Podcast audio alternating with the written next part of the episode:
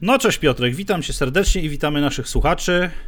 Jak tam się czujesz? Cześć Rafał, cześć, wszystkim. Czuję się jako tako, gdyż e, nadeszła jesień i złapało mnie przeziębienie. Bardzo mi przykro to słyszeć, tym bardziej, że dzisiaj mamy sporo do omówienia. Damy radę, spokojnie, nie takie rzeczy się robiło, na motocyklach też. Elegancko, to o czym dzisiaj pogadamy? Na przykład y, o tym, co wymyśliła policja w Montrealu strefy bezpiecznej sprzedaży. A ja mam dziś taką informację ciekawą o dolomitach, bo Włosi wprowadzają bardzo niefajne przepisy. A coś może z Polski masz ciekawego? Z Polski też, na przykład o tym, jak polskimi autostradami jedzie wielki kret. Kret, no dobra, to już mnie zaciekawiłeś. Witamy Was, z tej strony Raf, Piotrek Jędrzejak i Tomazi.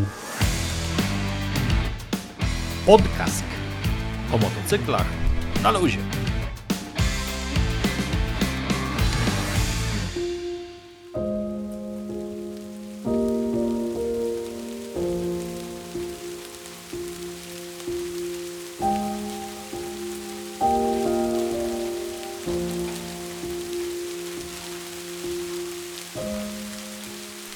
Nadeszła już jesień, śnieg zaczął padać, zrobiło się szaro i ogólnie jest tak mało motocyklowo. Piotrek, czy ty już odstawiłeś swój sprzęt na zimę definitywnie?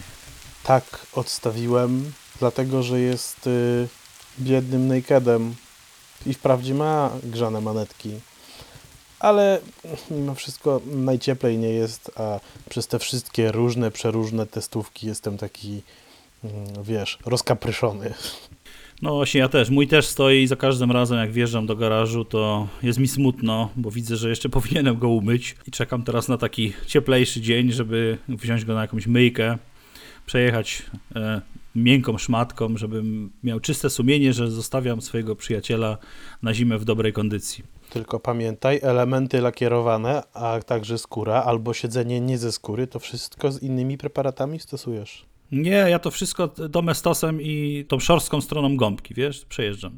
To ja polecam jeszcze CIF, bo CIF ma takie, e, wiesz, malutkie części, które tam szorują lepiej. To jest cenna uwaga, muszę CIFa w takim razie jeszcze wykorzystać, bo tego nie próbowałem. No dobrze, o widzisz, to zawsze dobrze pogadać, bo jakaś tam rada spłynie na człowieka mniej doświadczonego. Także bardzo dziękuję. Tak, może zrobimy taki e, kącik pożytecznych rad. Do mycia motocykla stosuj CIF. Bardzo dobry pomysł. Myślę, że to drastycznie wpłynie na słuchalność naszego podcastu. Drodzy słuchacze, pamiętajcie, e, myjemy motocykl cifem i szorstką stroną gąbki. No ale do rzeczy. Mówiłeś, Piotrek, coś o jakimś krecie. Czy tu chodzi o jakieś szpiegostwo przemysłowe? Nie chodzi o szpiegostwo przemysłowe, ale rzeczywiście o przemysł i to taki bardzo ciężki, gdyż mówimy tutaj o The Boring Machine, czyli maszyna borująca. Chodzi o olbrzymią ma maszynę, tak zwany kret, który wywierci tunel, który będzie na trasie S19 pod Rzeszowem.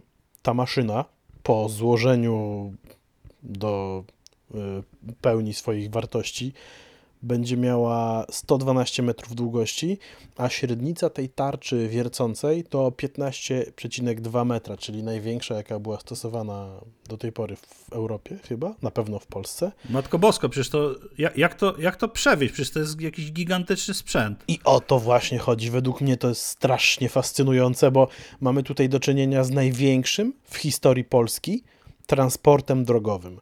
Ta ogromna maszyna była transportowana do Polski e, drogą morską z Hiszpanii do Szczecina.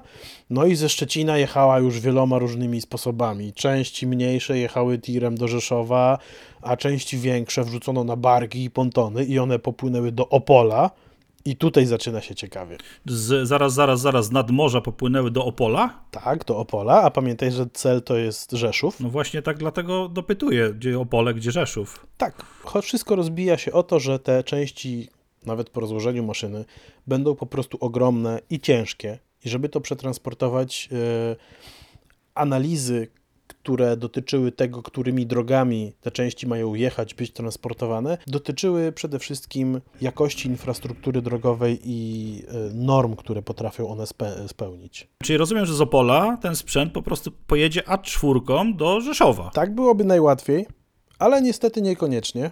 Bo w okolicy Małopolski są takie elementy drogowe jak mosty i tak dalej, które najwyraźniej do, doszli e, włodarze do wniosku, nie wytrzymają tych przeciążeń i obciążeń, bo musisz wiedzieć, że ten w cudzysłowie największy tir z tymi wszystkimi gratami będzie ważył 500 ton. O matko.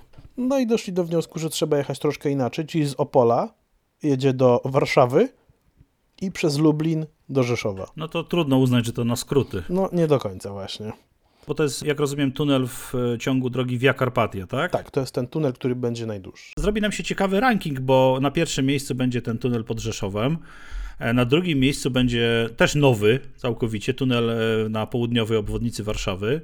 On ma tam długość chyba 2,3 km, z tego co pamiętam. A trzecim tunelem najdłuższym w Polsce będzie tunel na Zakopiance, też niedawno otwarty, też nowy. On o długości 2058 metrów. Tak, dokładnie. A ciekawostką jest, że jako e, nie wiem czy jedyni, ale na pewno jesteśmy w mniejszości, jesteśmy wyjątkowi. Mamy też e, jako Polacy w Warszawie e, jeden z tuneli, który nie idzie pod rzeką, a wzdłuż rzeki. Ten tunel na Wisłostradzie. Tak, to jest tak, to jest prawda, to jest taka ciekawostka lokalna nasza, z której powinniśmy być dumni i moim zdaniem to powinien być element marketingowy w ogóle Warszawy. Powinniśmy kierowców z całej Europy zachęcać do odwiedzania Warszawy, gdzie znajduje się jedyny tunel zbudowany wzdłuż rzeki. A propos Warszawy, wiesz, mam taką też ciekawą informację z Warszawy, która ciekawą, no nie wiem, czy ona ucieszy kogokolwiek poza aktywistami. Otóż Warszawa przymierza się do dwóch bardzo interesujących, tutaj cudzysłów, posunięć. Pierwszym takim posunięciem ma być wprowadzenie na mniej więcej 90% dróg tak zwanego stref- strefy tempo 30. I i to jest taka, taki obszar, na którym, mm, jak sama nazwa wskazuje, prędkość maksymalna ograniczona jest do 30 km na godzinę. I to dotyczyć będzie takich dróg dojazdowych, osiedlowych, e, te główne arterie, tam Aleje Jerozolimskie, właśnie czy wspomniana Wisłostrada, pozostaną przy swoich ograniczeniach. No ale to jakby niewiele zmienia, ponieważ właśnie 90% warszawskich dróg będzie miało ograniczenie prędkości odgórne do 30 km na godzinę. No to już sobie pojeździliśmy, panie Piotrze, nie? Ale poczekaj, poczekaj, to tempo 30 to już jest postanowione? To będzie naprawdę? No nie, na, na, na razie jeszcze trwają konsultacje. Do 22 listopada są konsultacje e, społeczne, z tym, że z tego co widać, to one są prowadzone taką metodą, jakby to powiedzieć, pełzająco-szpiegowską. E, Nikt nie wie gdzie, nikt nie wie z kim te konsultacje są prowadzone, ale miasto twierdzi, że rzeczywiście są prowadzone. To tak jak e, ankietowani w Familiadzie. Tak, o, coś takiego. Być może to właśnie ta sama grupa e, odpowiada za te konsultacje. A dodatkowo, jakby na deser tego, tego Tempo 30, m, władze Mokotowa, myślę, że w innych dzielnicach będzie podobnie później, ale na razie tylko Mokotów, planują likwidację nawet tysiąc miejsc parkingowych. W zasadzie to jest jakby oficjalna wersja jest taka, że to jest dla usprawnienia ruchu rowerowego. Po- Podobna historia z konsultacjami. Też do końca listopada są konsultacje, a mieszkańcy już się wkurzają, bo nie wiadomo z kim jest to konsultowane, kiedy, na jakiej zasadzie i generalnie no nic nie wiadomo. Także ciesz się, że nie mieszkasz w Warszawie. No właśnie, bo tak mi się wydaje, że takie zmiany, właśnie jak tempo 30, czy likwidowanie miejsc parkingowych i tak dalej, i tak dalej, one może są dobre, może nie są dobre w tej sekundzie, nie chciałbym o tym dywagować, ale wydaje mi się, że one powinny być wprowadzane dopiero wtedy, kiedy cała reszta infrastruktury, cała reszta infrastruktury miejskiej działa skutecznie, czyli komunikacja miejska, drogi rowerowe i tak dalej. A czy w Warszawie to działa na takim poziomie, żeby już można było wprowadzać tempo 30 i likwidować miejsca parkingowe? No właśnie trafiłeś w sedno sprawy, bo w europejskich miastach, e, to tutaj przoduje oczywiście Holandia, Eindhoven, w Amsterdamie, jest owszem oczywiście bardzo dużo ścieżek rowerowych, jest bardzo do, sprawnie działająca komunikacja publiczna i jeżeli chcesz coś załatwić samochodem w centrum miasta, to po prostu się to nie opłaca, bo znacznie prościej, łatwiej, szybciej, wygodniej dojechać tam czymkolwiek innym, a w Warszawie to chyba postanowiono, że najpierw wprowadzimy zakazy, ograniczenia, pozamykamy co się da, a potem się zobaczy. Być może tam coś dopasujemy, namalujemy jakąś ścieżkę rowerową. No i tak tym sposobem e, na żywym organizmie mieszkańców będziemy sobie eksperymentować. No, średnio mi się to podoba, szczerze mówiąc. Motocyklistów to dotknie wprawdzie mniej, bo my, nam jest jakoś zawsze łatwiej zaparkować, no ale z drugiej strony też e, wielu z nas też czasami tym samochodem gdzieś musi podjechać, nie wiem, zawieźć rodzinę, dzieci odwieźć do szkoły czy na jakieś tam zajęcia, więc słabo to wygląda. Rafał, to ja mam taką propozycję, znowu nawiązując do pewnego sławnego cytatu, a propos tej grupy konsultacji społecznych jak z Familiady. Dowiedz się proszę, jacy to są ludzie i porozmawiaj z nimi po swojemu. Dobrze, tak zrobię. Piotrek, mam jeszcze do Ciebie pytanie na, za, na zakończenie tych newsów na temat e, Polski. Czy Ty masz w motocyklu system e-call? Nie, ja w motocyklu generalnie mam bardzo mało systemów elektronicznych, wiesz, tam bardziej elektryka niż elektronika. No to to jest akurat bardzo dobrze, że nie masz, ja też nie mam, ale posiadacze nowszych BMW myślę, że muszą mieć się na baczności.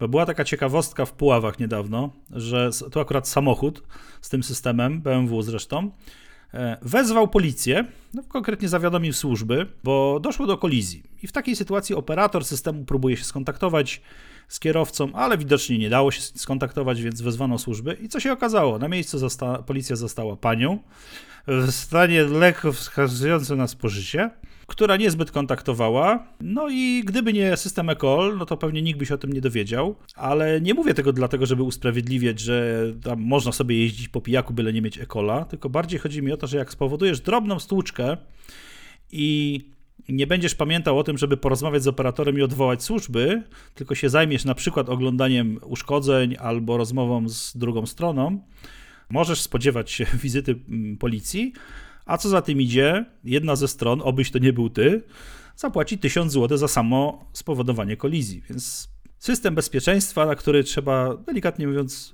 uważać. Będziemy mieli w Polsce już naprawdę niebawem bardzo potężną zmianę pod tytułem konfiskata pojazdu pijanego kierowcy. Wreszcie weszło. Wreszcie weszło. Y, pamiętam, że gdy tylko ta informacja pojawiła się w sieci na początku 2021 roku, kiedy mm, zaczęła być procesowana w Sejmie, wzbudziła ogromne emocje. Co ciekawe i według mnie satysfakcjonujące, były to raczej pozytywne emocje i dobrze. Tak w dużym skrócie, bo szczegóły za chwilę. Jeżeli jedziesz bardzo pijany i cię skontrolują, to ci zabierają furę. Po prostu. A jeżeli spowodujesz wypadek trochę mniej pijany, to też ci tą furę zabierają. No i teraz takie pytanie egzystencjonalne, Rafał. Czy to dobrze, że twój pojazd przejdzie w posiadanie skarbu państwa, że tak ci po prostu go zabiorą? Wiesz co, ja na to patrzę tak, że jazda pod wpływem alkoholu to zawsze jest twój wybór. Tak samo jak masz swój pistolet, prawda, albo nóż i on jest twój. Jak popełnisz nim przestępstwo, no to jest zabierane jako narzędzie zbrodni, prawda? Yy, I tutaj jakby nie ma znaczenia, czy to, to jest nóż specjalny ze stali damasceńskiej wykonany u Hattoriego Hanzo, czy to jest jakiś nóż z Pepko kupiony na, na wyprzedaży. I tak samo z samochodem, czy motocyklem, bo to też nie, nie, dotyczy oczywiście samochodów, ale dotyczy też motocykli, czy nie wiem, koparki twojej. Jeżeli używasz go do popełnienia przestępstwa, no to musisz się liczyć z tym, że zostanie zatrzymany i jakby no nie mam z tym problemu żadnego. I ja generalnie mam dokładnie taki sam wniosek, a jeszcze go uzupełnię o, o kolejny podpunkt. I ja prawdę mówiąc się tym nie przejmuję, bo po prostu nie jeżdżę po pijaku. Ani ja. A jeśli ten temat Was zainteresował, to zapraszamy Was na portal motogen.pl, gdzie dowiecie się wszystkich szczegółów związanych z tą nowelizacją. Piotrek, czy byłeś w tym roku, albo się wybierasz może w przyszłym roku w Dolomity? Wiesz co, to wszystko zależy od motocykli testowych, bo ten mój to tak jak już powiedziałem, szczególnie. Ale no nie pogardziłbym, nie pogardziłbym. No widzisz, jeżeli byłeś w zeszłym roku, to możesz mówić o dużym szczęściu, bo jeżeli wybierasz się w przyszłym roku, to może się okazać, że trafisz na bardzo przykrą niespodziankę. Pierwsza jest taka, że na Grossglocknerze, tej jednej z najbardziej spektakularnych tras widokowych w Alpach, będzie wprowadzone ograniczenie prędkości do 70 km na godzinę. Czyli poczekaj, w, w miejscu, gdzie chce jechać każdy motocyklista, bo tam jest super i jest fajnie i są zakręty i trzeba będzie jechać 70.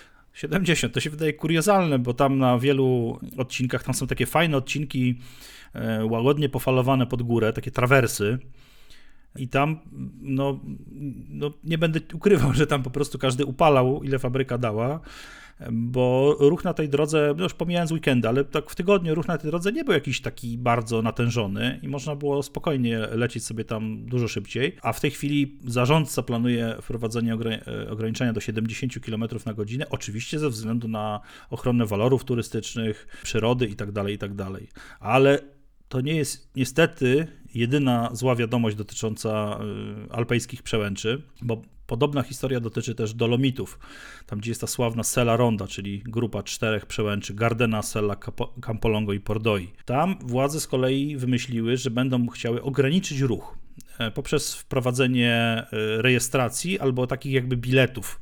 Trzeba sobie będzie wykupić taki bilet wcześniej, bo jeżeli na przykład przyjedziesz i okaże się, że już nie ma tych biletów, no to nie wjedziesz na drogę po prostu. A to, a to jest miejsce, gdzie jakby, no może nie jest tak kultowe jak Grossglockner, ale jest równie spektakularne, no i przede wszystkim jest to taka właśnie pętla fajna. Znaczy, prawdę mówiąc, ta, ten, ten, ta propozycja z biletami czy były tam sytuacje, gdzie był tak gęsty ruch motocyklowy, że ciężko było jeździć? Wiesz co, w wakacje, w weekendy, to tam rzeczywiście jest bardzo dużo motocyklistów, bo to jest jedno z najbardziej znanych y, miejsc wśród motocyklistów włoskich, zwłaszcza tych z północy Włoch. No bo same Dolomity są piękne, a to miejsce, y, tych, gdzie są te cztery przełęcze, jest wyjątkowo piękne, wyjątkowo spektakularne. No i tam w weekendy rzeczywiście, tam w niektórych okresach y, w ciągu doby potrafiło być na przykład 12 tysięcy pojazdów y, potrafiło przejechać. Bywa tam tłoczno, tylko ciekawe, bo jakby mieszkańcy, którzy tam e, nie, nie, prowadzą biznesów, to są jak najbardziej za tym, żeby ograniczyć, ale przeciwnego zdania są oczywiście właściciele restauracji, hoteli, sklepów itd., tak itd., tak więc znowu jest konflikt interesów. Czyli znowu mamy tą e, grupę konsultacji społecznych z Familiady. Być może to ta sama grupa będzie decydować. ale już ustaliliśmy, że ja ich znajdę i z nimi porozmawiam. No dobrze, a skoro jesteśmy przy wiadomościach zagranicznych, to wrócę do tego, co, o czym wspomnieliśmy na samym początku, czyli strefy bezpiecznego handlu z Montrealu, z Kanady. W praktyce e, są to miejsca, nieduże place, zlokalizowane obok e, komisariatów policji. Mm, one zaczęły się tam pojawiać w chyba 2018 roku Ostatnie dwa otworzyły się w październiku 2022 i w tym, w tym momencie w Montrealu jest ich 11. I są to place, które są dostępne dla każdego, są dokładnie i ściśle monitorowane 24 godziny na dobę, 7 dni w tygodniu, dzień i noc.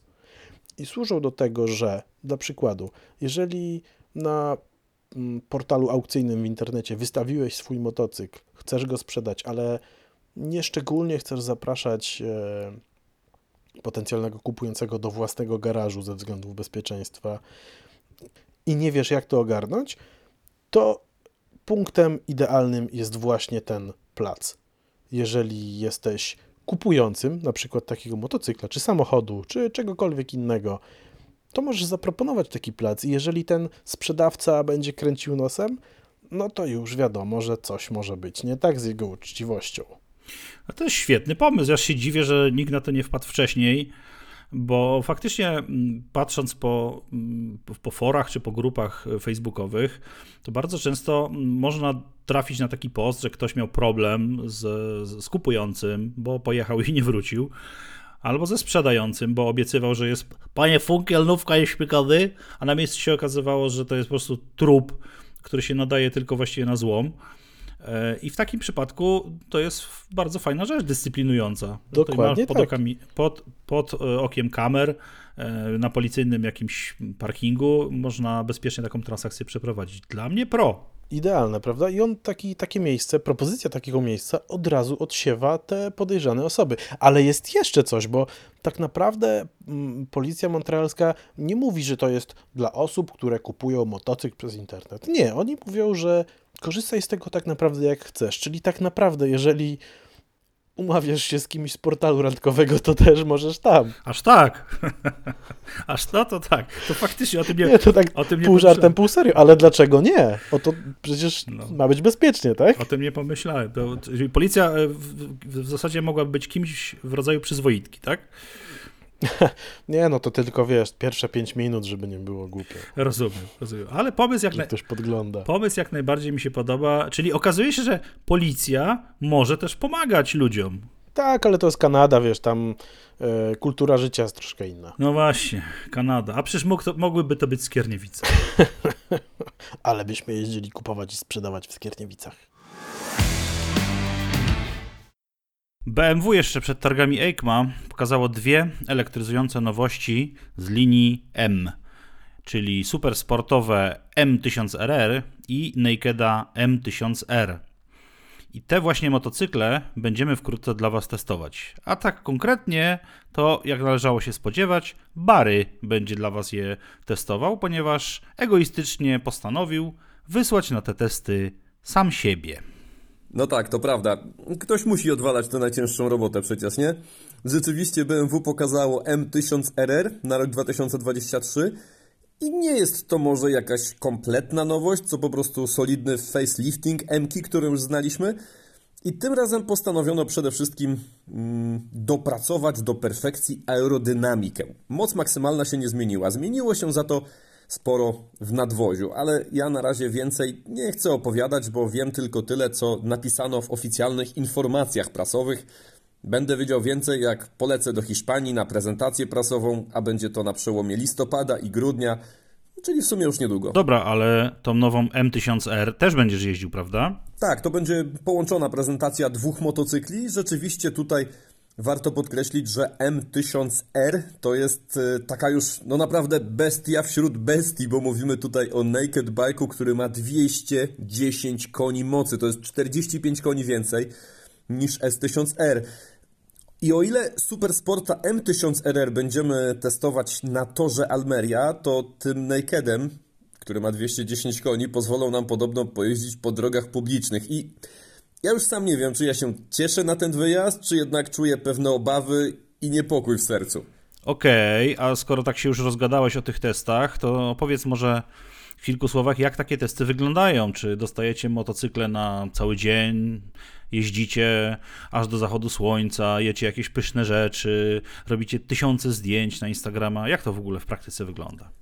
No na pewno to nie wygląda tak kolorowo, jak sobie większość osób myśli, że mamy motocykl na kilka dni i robimy sobie z nim co chcemy. Wszystko zawsze dzieje się zgodnie z y, jakimś ściśle określonym harmonogramem, na ogół bardzo intensywnym i no trzeba się naprawdę mocno uwijać, żeby nagrać dla swojej redakcji mm, pełny materiał. W sumie kilka godzin. To jest y, taki czas, kiedy jedziemy po znów ściśle wyznaczonej trasie, nagrywamy filmy we wcześniej określonych przez organizatora miejscach, robimy zdjęcia, czy relacjonujemy na gorąco na naszym Instagramie, jak już znajdzie się na to y, kilka minut czasu.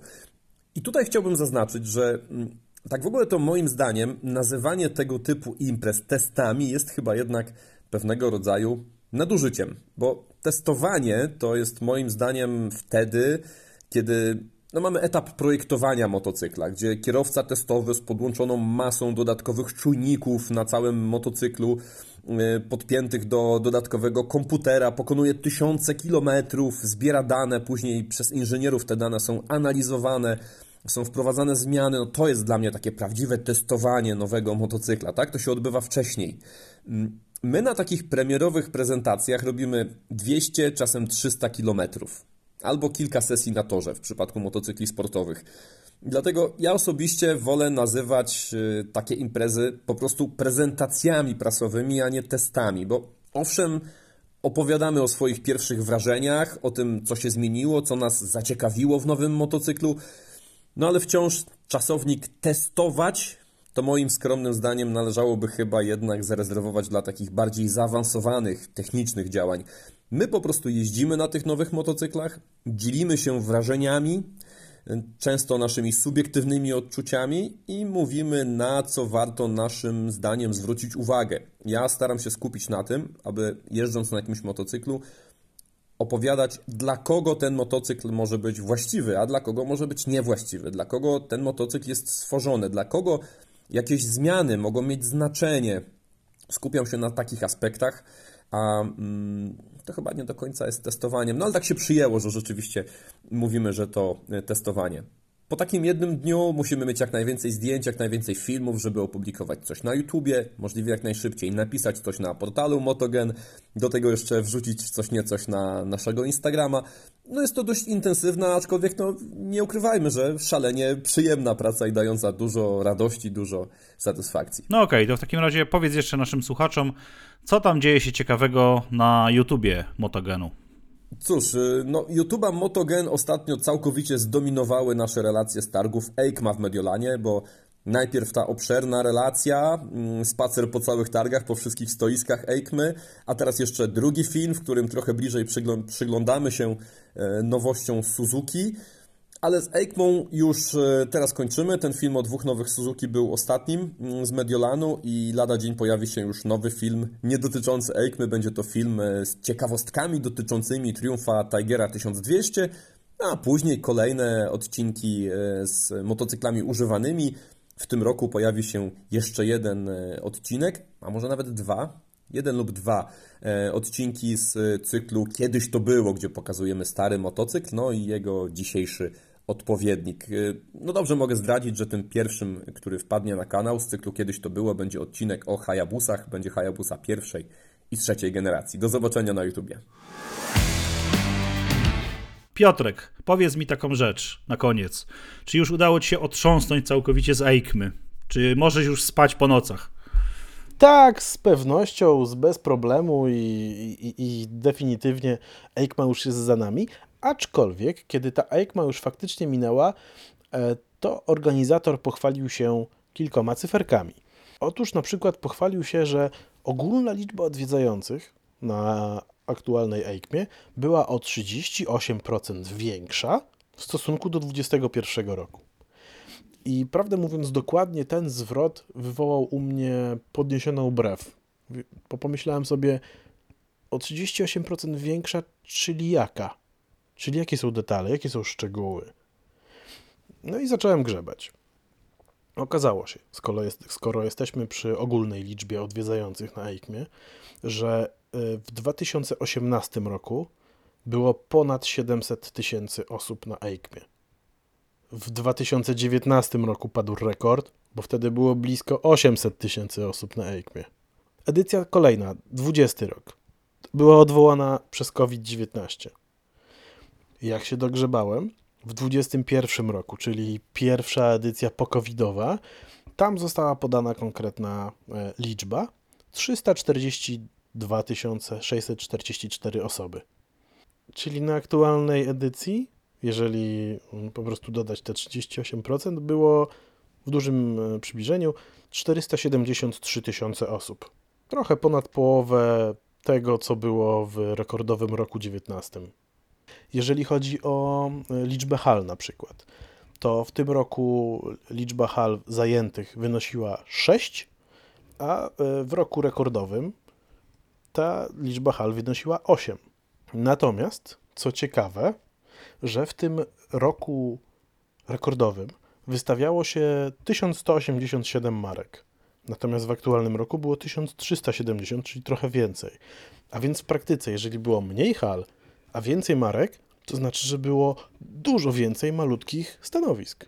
I tak jakby te moje liczbowe dywagacje tak naprawdę można podsumować dokładnie, dokładnie w taki sam sposób, jak Barry podsumował e, wideo relację z Aikmy, którą możecie obejrzeć na YouTubie. Barry powiedział, że on nie jest pewien, czy by chciał prywatnie przyjechać na Aikmę. Barry powiedział, że pewnie wolałby poczekać do wiosny i po prostu pojeździć po salonach, a z EICMY wystarczyłaby mu właśnie taka wideorelacja. O tym, że targi się zmieniają, świadczy też e, zmiana nazwy, bo ten skrót EICMA pozostał taki, jak jest, natomiast na 2021 rok nazwa zmieniła się, już nie będę tłumaczył dosłownie, z międzynarodowych targów rowerów i motocykli i akcesoriów, na międzynarodowe targi pojazdów dwukołowych, czyli w naszym rozumieniu międzynarodowe targi jednośladów. A pod jednośladami rozumieć możemy tak naprawdę wszystko, bo rowery, motocykle, hulajnogi i pod tym będą ukrywały też się wszystkie e, te e, pojazdy ostatniego kilometra, czyli różne elektryczne jeździdełka, którymi dojeżdżasz do biura z tramwaju na przykład. Piotrek wspominał o miejscach bezpiecznego handlu, gdzie można bezpiecznie sprzedać swój motocykl albo go kupić. Ale zanim sprzeda się swój motocykl, to warto zrobić mu dobre zdjęcia. A któż może wiedzieć o dobrych zdjęciach więcej niż Tomazi, nasz nadworny reporter, fotograf i oczywiście od niedawna także podcaster. Zapraszamy do wysłuchania mm, fragmentu, w którym Tomek będzie Wam radził, jak zrobić idealne zdjęcie motocykla. Aby wykonać zdjęcie, które będzie bardziej przypominało to profesjonalne niż to, które trafia do rodzinnego albumu, pamiętajcie o trzech zasadach. Pierwszą z nich jest dobór odpowiedniego miejsca. Mam tu na myśli takie miejsce, które będzie fajnie korespondowało z motocyklem, czyli będzie pasowało do jego stylu. Kolejną rzeczą jest to, żeby miejsce było, nazwijmy to, czyste. Nie zawierało jakichś elementów, które będą odwracały uwagę od motocykla.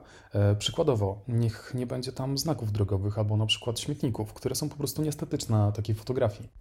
Ogólnie, czym mniej chaosu w tle, tym lepsze zdjęcia. Kolejną zasadą jest pora, o której robicie zdjęcia. Najlepiej, abyście je wykonywali w tak zwanej złotej godzinie, czyli wcześnie rano bądź późno wieczorem, tuż przed zachodem słońca, czyli to jest między godziną a trzema. Wtedy oświetlenie motocykla działa na Waszą korzyść. Ostatnią zasadą jest perspektywa. Chodzi o to, że sylwetka motocykla będzie bardziej agresywna lub po prostu bardziej atrakcyjna, kiedy perspektywa, z której robicie zdjęcia, będzie różniła się od tej, która jest na poziomie ludzkiego wzroku. Według mnie najfajniejsza perspektywa często dla motocykli jest mniej więcej z wysokości pasa albo nawet nieco niżej. Oczywiście fajne kadry można również wykonać z wyższej perspektywy. Tutaj już zostawiam wszystko do Waszej kreatywności. Jeżeli podczas robienia zdjęć motocykla zadbacie o te trzy elementy, fotografia po prostu będzie wyglądała znacznie lepiej. Tutaj zdjęcie zrobione nawet telefonem czy podstawową lustrzanką będzie miało naprawdę inny wymiar. Oczywiście nowoczesne matryce bądź y, obiektywy z dużą rozdzielczością, a oświetlenie dodatkowe na z takiej sesji to rzeczy, które sprawią, że ta fota będzie jeszcze lepsza. Natomiast pamiętajcie, jak powiadał Chase Jarvis, najlepszy aparat to ten, który macie przy sobie. Także do dzieła. No i co, Rafał? My tu tak gadu gadu o wszystkim i o niczym, a tak naprawdę dowiedzieliśmy się chyba kilku całkiem ciekawych rzeczy, nie? Tak, ja się dowiedziałem, że motocykl trzeba czyścić cifem. Tak, ja na przykład tobie poradziłem, że musisz znaleźć tych ludzi i z nimi porozmawiać, żeby w Polsce w kraju było lepiej. Tak, to prawda, to prawda. Już zacząłem szukać. Dowiedzieliśmy się też kilku ciekawych newsów z kraju, ze świata. Mamy zajawkę, że Barry będzie testował fajne motocykle niebawem. No i chyba dowiedzieliście się, jak coraz lepiej robić zdjęcia na aukcje internetowe swoich motocykli, jeżeli je sprzedajecie. Na przykład, żeby je sprzedać pod posterunkiem policji. A nie, bo to w Montrealu, nie w Skierniewicach, przepraszam. Pomyliłem się. Ach, no tak, no tak. Ale to wiesz, porozmawiaj z tymi ludźmi, oni zorganizują. Tak jest. Dziękujemy Wam bardzo za słuchanie siódmego już odcinku podcastku i zapraszamy Was za tydzień. Cześć, czołem.